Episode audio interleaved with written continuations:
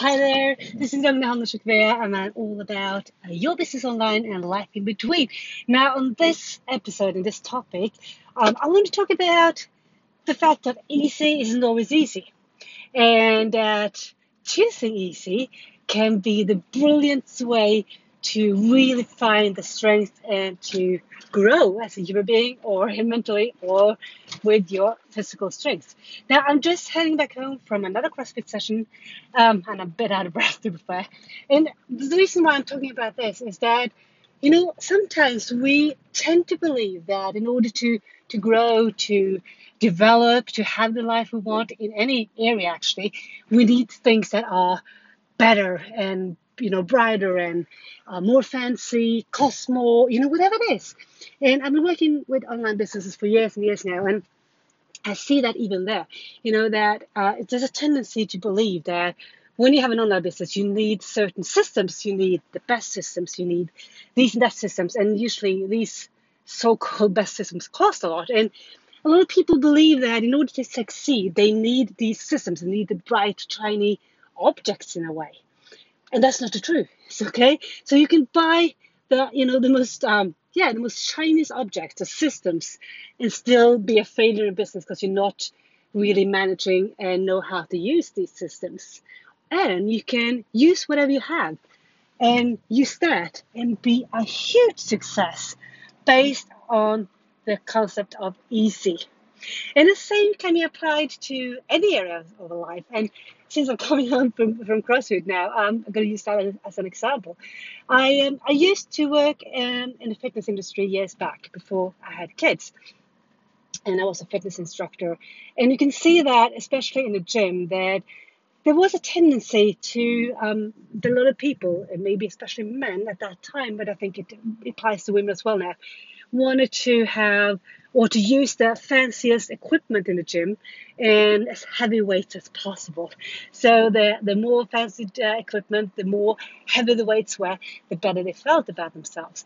Now, the truth is that if you go for that, and even with um, with fitness gear, so it means you know the, the, the clothes you have on or the shoes you wear, you don't get fit by having uh, fancy, uh, costly shoes you could get fit by actually doing the work, which is running or lifting weights or whatever you do.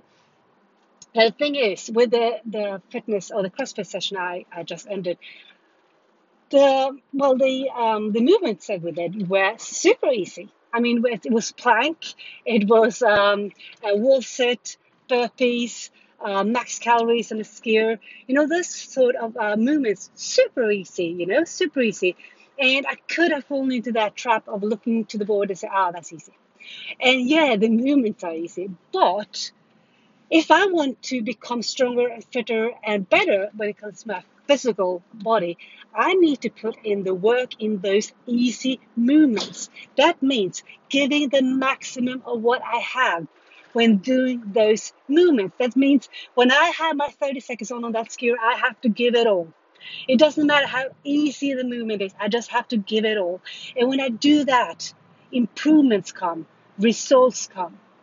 And the same applies to your life and even in your relationships. And I know this is a fact for many relationships. People believe, and a lot of people believe, uh, that you know if you have a relationship with someone, and especially an intimate relationship with someone, and it's not going that well, and you tend to be focusing what your partner is not doing or the way he or she is doing something wrong according to you. And that's where you focus it and you start believing of if that person could only take you on that you know exclusive holiday if that person could only buy you that exclusive piece of jewelry if that person could only take you to that exclusive restaurant that's fine. But your relationship will not be fixed by that. Honestly it will not take what you have and create all your energy into what you have, and the results will come. That means, you know, doesn't doesn't um it doesn't work if you go to any fancy restaurant if you can't talk with your partner. So start by creating a lovely, you know, homemade meal. Make a pizza, order a pizza, whatever, I don't care, and make it the absolute best. And, and share a bottle of wine. Have a lovely time at home, and that can grow your relationship even more than just going to a fancy restaurant, right? The same applies to your business.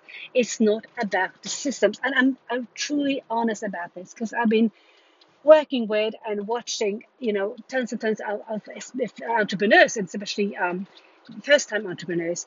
And there's so many out there who are spending so much money on systems just because they do believe they need the systems in order to succeed.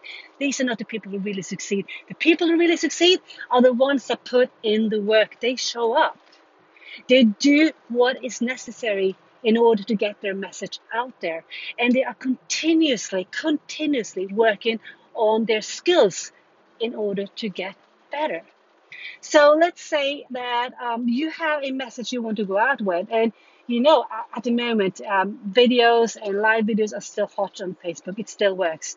So, you know, one time in the future it will not have that effect anymore, but it still has at the moment. And if you know that your audience will appreciate, or you assume that your audience will appreciate you going live, then it doesn't matter if you have a fancy camera that you can use or not. It doesn't matter if you have a fancy background or not, or a fancy microphone. No, what matters is that you take your phone somewhere and put play and record your live on that Facebook page. That is going to create a difference, not if you have a fancy camera or not. It's about doing whatever you have, which is the easy things, you know, what's already there, what you already have in hand, and do the absolute best with what you have. There is a also a, a misbelief, and especially in business, that we need all these resources in order to create whatever we want to create. Um, and yes, of course, I mean, if we have tons of money to spend or we have a big team that we can play with, you know, of course that's that's helpful. But if you turn it around, uh, the more systems you have, the more problems you probably will have, and this, you know, you need more technical help. And the the greater the team you have, you know, the bigger the team, the more personal issues there will be. So the more we have to deal with personal and, and issues and people having this and this going on in their lives. So you know, everything is a balance. Everything is never either nor nothing is just black or white everything is a combination of whatever is and what you have will always be in balance so back to uh, the lovely lovely crossfit um, i must say I, I do love this workout more than I actually can describe. And it's not only because I get home totally exhausted and, and feel good about that. No, it's it's it's about so much more.